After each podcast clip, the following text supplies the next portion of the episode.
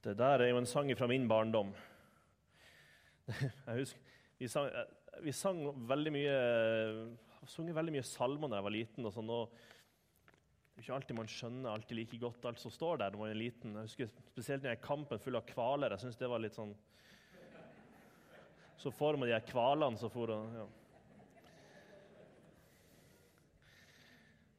Men, men. Man blir vel eldre. Utrolig kjekt å få lov til å, å, å, være her. Utrolig kjekt å få lov til å, å preike. Jeg, jeg syns det er så fint å være med dere. Og jeg, spesielt, jeg, jeg visste ikke helt at jeg skulle lede nattverden i dag. Men, men å få lov til å gjøre det syns jeg er fantastisk. Å få lov til å stå der og, og, og, dele ut, og så kommer folk, og så kjenner jeg at jo mer det strømmer folk på, jo mer det strømmer kjærlighet. Jeg er så glad i dere. og Jeg merker det når, jeg, når dere kommer og tar imot. og Fylt av en sånn, sånn dyp kjærlighet. Ehm, det er fint å være med dere. Dere er gode folk, altså. Ehm, ja, jeg har lyst til å be litt først. Kjære Jesus, kom og tal til oss. Kom med Din Hellige Ånd og vis oss hva du har for oss i dag. Rør ved oss og forandre oss, Jesus. Jeg ber om at jeg skal bli liten, og du skal bli stor. I ditt navn, Jesus.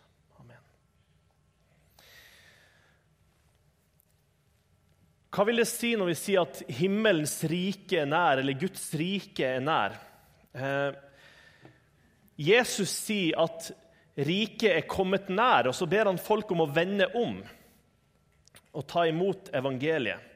Samtidig så snakker han om riket som skal komme, Guds rike som skal komme. Hvordan er det mulig å både ha noe, og samme tingen skal komme seinere? Hva menes med det? Og Det er noe som kanskje forvirrer oss. Ehm, hva er det egentlig Jesus og de andre snakker om? Hvis vi leser teksten som er i Lukas 13, fra vers 18 til 21, som er søndagens tekst, så sa han, Hva er Guds rike likt? Hva skal jeg sammenligne det med? Det kan lignes med et sennepsfrø som en mann tok og sådde i hagen sin, og som vokste opp og ble til et tre, så fuglene under himmelen bygde rede i grenene. Og han fortsatte, Hva skal jeg sammenligne Guds rike med? Det kan lignes med en surdeig som en kvinne la inn i tre mål mel, så det hele til slutt var gjennomsyret. Jesus bruker to forskjellige bilder her. Han, han, taler jo veldig ofte i bilder for at folk skulle skjønne. Og Veldig ofte når han snakker om himmelriket, når han snakker om, om, det evige, om ting som vi ikke klarer å se med våre øyne, så bruker han bilder for at folk skal skjønne det. Eh, og Her snakker han først om sennepsfrøet som blir sådd i jorda. Han sammenligner himmelriket med det lille frøet dette minste, minste frøet, et av de aller minste frøene i verden, sennepsfrøet, som blir planta i jorda, og som vokser opp. Sennepsfrø hvis du, Jeg vet ikke om du har sett et sennepstre noen gang. Men det er et fantastisk syn. For de er massive. Det er vanvittig store trær. De blir bare så utrolig store. Og så kommer det fra dette utrolig lille dette bitte lille som man tenker kan det der bli noe?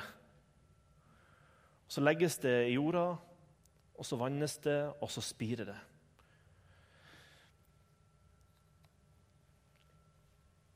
Eller som denne surdeigen. Nå har ikke jeg bakt så veldig mye surdeigsbrød i mitt liv, men, men, jeg skjønner konseptet. Du har en liten deig som du legger i eh, en del andre ingredienser i mel, og så skal det gjennomsyre hele deigen. Du legger bitte litt i, og så gjennomsyrer det alt. Så når du legger det ned i selve, så ser det ikke så mye ut. Tenker, kan dette bli til noe? Og så gjennomsyrer det alt til slutt.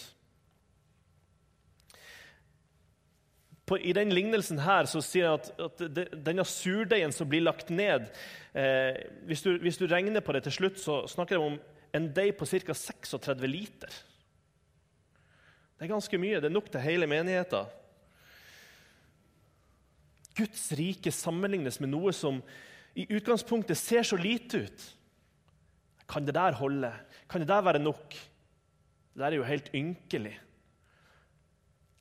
Jeg hadde en litt artig opplevelse. Jeg var på turné i USA for noen år tilbake.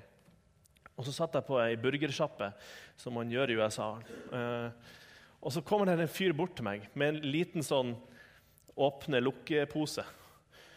Og, og, da tenker man jo det burde man ikke ta imot. Men, men så kommer han bort og så sier han, eh, la han inn på disken foran meg. Og så sier han eh, Se i posen. Så sa jeg Hva er det du vil jeg skal se etter? Så For meg så den helt tom ut. Og sa nei, men se nærmere. Oppi der hadde han lagt et sennepsfrø som han la på disken til meg. Og så sa han, 'Sånn er Guds rike'.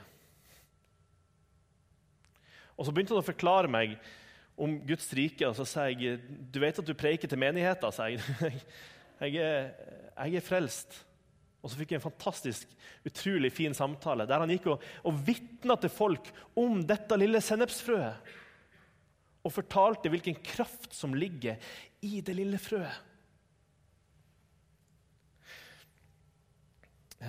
Fordi dette frøet har et vanvittig potensial iboende i seg. Um, og Poenget med sennepsfrøet her er det at det allerede er sådd Surdeigen er allerede plassert. Guds rike er kommet nær ved at disse tingene er allerede lagt i jord. Det er lagt i deigen. Guds rike er ikke lenger utenfor. Guds rike var nært i Edens hage når Adam og Eva gikk rundt. Gud gikk der sammen med dem. Og jeg skulle, å, det hadde vært så, Tenk å få lov til å oppleve det. da. Liksom, Gud gikk og vandra med dem i hagen på en sånn ufattelig nær måte. En intim måte. Men så ble de kasta ut av hagen, og de fikk kjenne på Guds vrede. De fikk kjenne på hva det vil si å være ulydig mot Gud. Og så ødela de den muligheten til å ha nærhet til Gud på samme måte. De ødela den muligheten til å ha den delen av Guds rike. Så da ble Gud til menneske, og så kom han til jord. Og så gjorde han det som menneskene ikke klarte, å gjenopprette muligheten for å ha del i Guds rike. Gjenoppretta muligheten til å komme til himmelens rike, til å få del i det evige. Det gjorde Gud for deg og meg av nåde. Når Johannes begynte sin gjerning, døperen Johannes, så forkynte han noe ganske enkelt. Og jeg har lært meg litt i det siste at uh, ofte er det enkle det beste. Også, også når det gjelder uh, det å forkynne.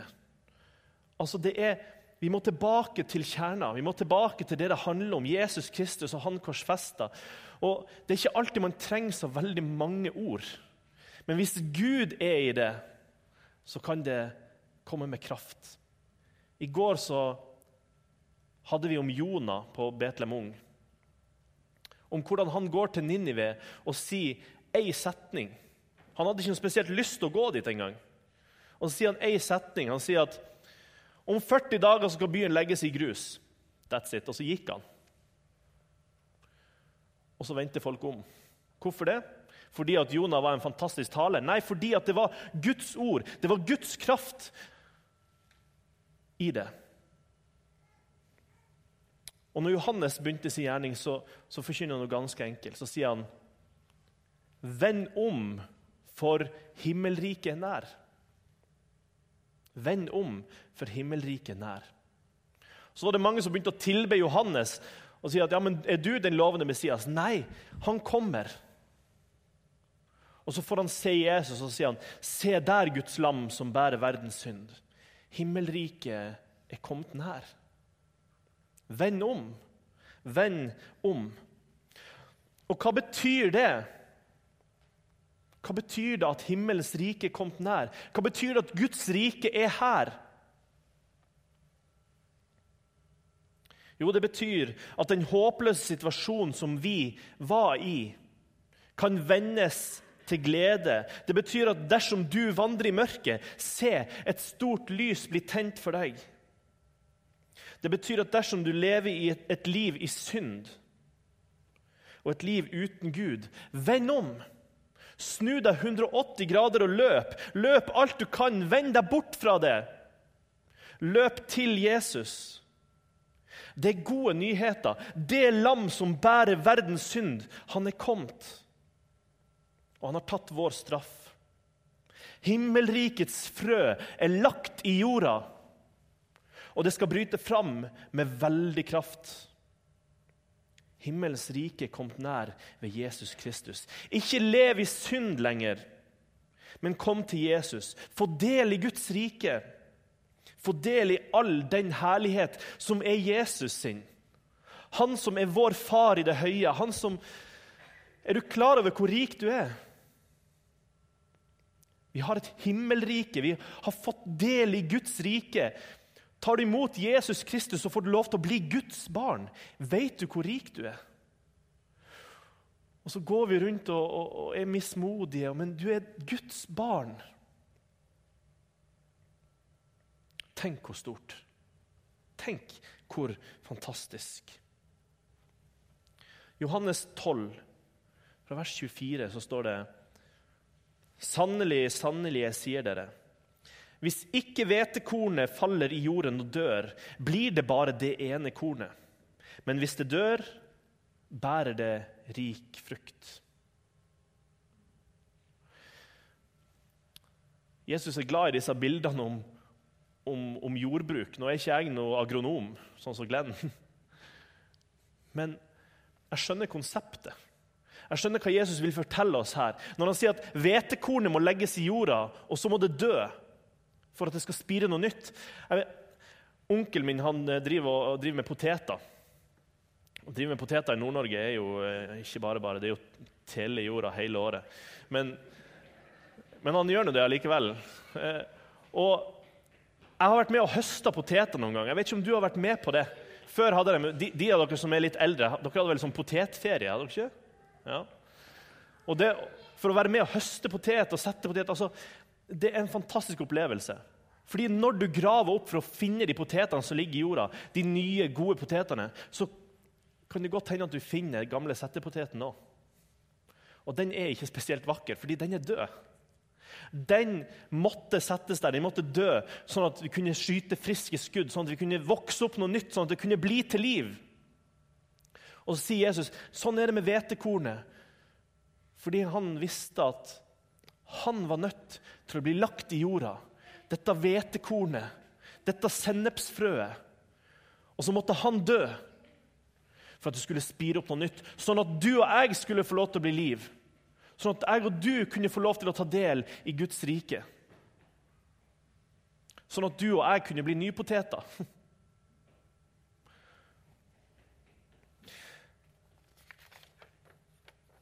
um, Og når han blir lagt i jorda, når Jesus, når Jesus dør på korset, når Jesus blir lagt i ei grav, blir lagt bokstavelig talt i jorda Hjelpe meg, folk tenkte han var ynkelig.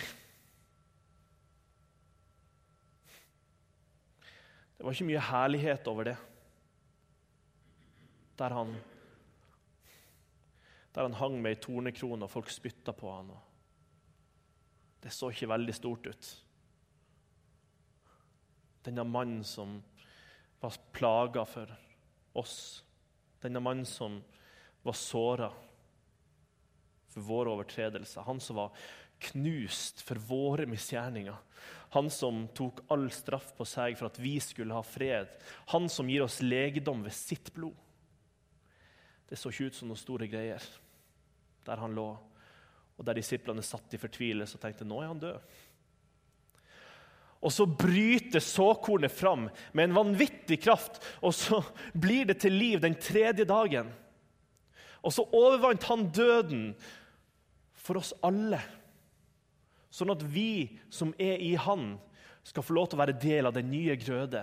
Han som er stått opp som del av førstegrøden. Vi skal få ta del i det. Det er nesten verdt et lite halleluja. Det er fantastisk. Han bryter fram med et nytt skudd. Og Jesu navn det skyter stadig friske skudd. Det skal fortsette å skyte skudd. Det gjør det overalt i verden der det ser ut som det er dårlig jordsmonn.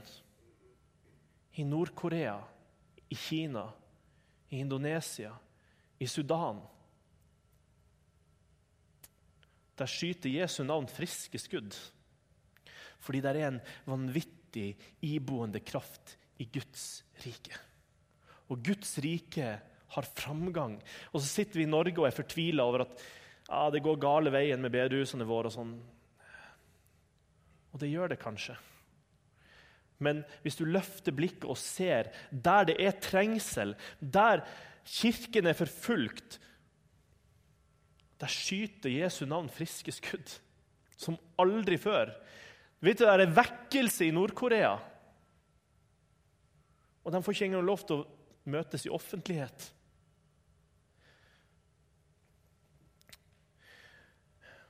Jesus er nær, og han kaller oss til et hellig liv.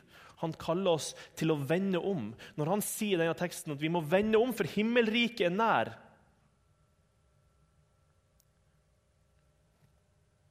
så betyr det at det skal ha konsekvenser i våre liv. La Den hellige ånd, la Jesus, la ordet være din lyst og glede. Ikke skal du kaste bort Guds rike i ditt liv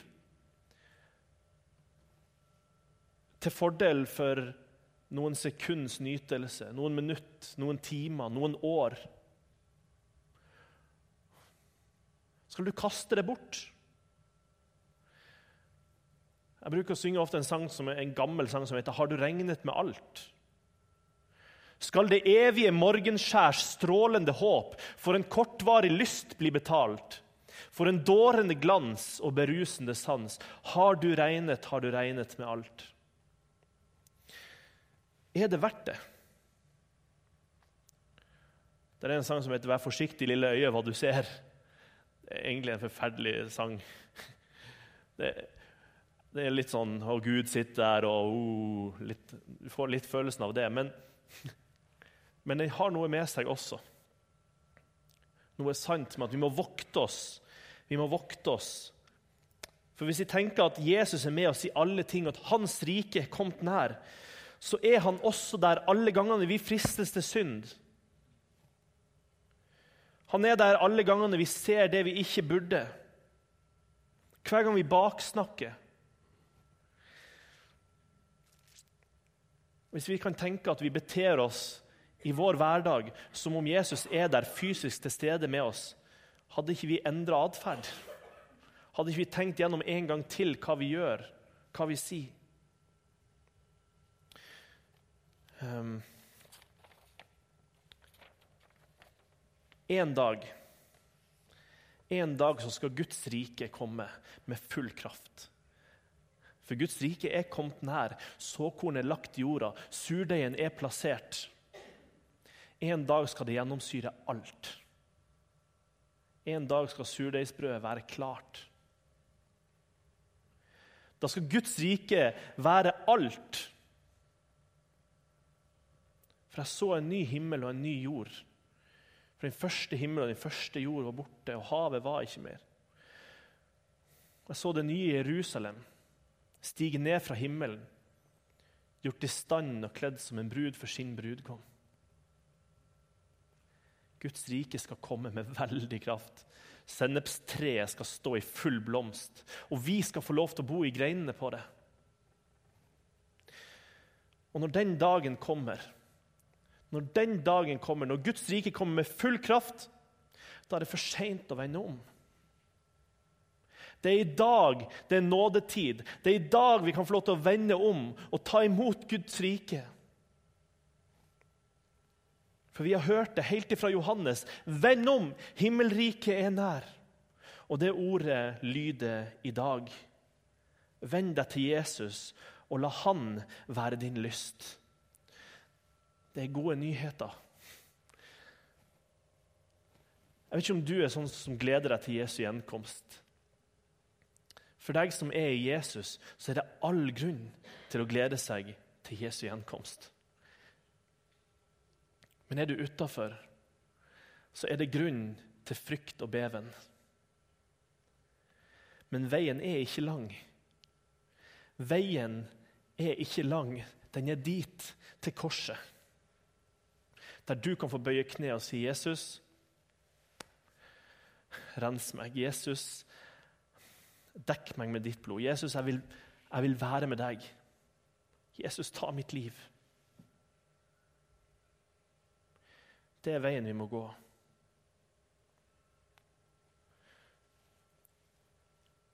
Og så kan dette også være en oppmuntring til deg som ber. Kanskje dine bønner ser små ut. Kanskje du sitter på et lønnkammer, kanskje du feller dine tårer i stillhet. Ikke sikkert du er sånn som fariseeren som står og slår seg på brystet og sier 'takk for at jeg ikke er som han der'. Men kanskje du feller dine tårer i stillhet. Vit at Gud hører det. Det er mektig kraft i Guds rike. Og det lille som du sår av dine bønner, av dine tårer, i dag, det kan slå ut i veldig kraft. Det er svar underveis. Guds rike er helt vanvittig. Det er et overnaturlig rike. Jesus sier det. Mitt rike er ikke av denne verden. Nei, Guds rike er noe himmelsk. Så vær frimodig i dine bønner, vær frimodig i ditt vitnesbyrd, vær frimodig i din forkynnelse. Vær frimodig i ditt møte med andre. Vi har mye å komme med. Vi har Guds rike å komme med og dele ut til en døende verden.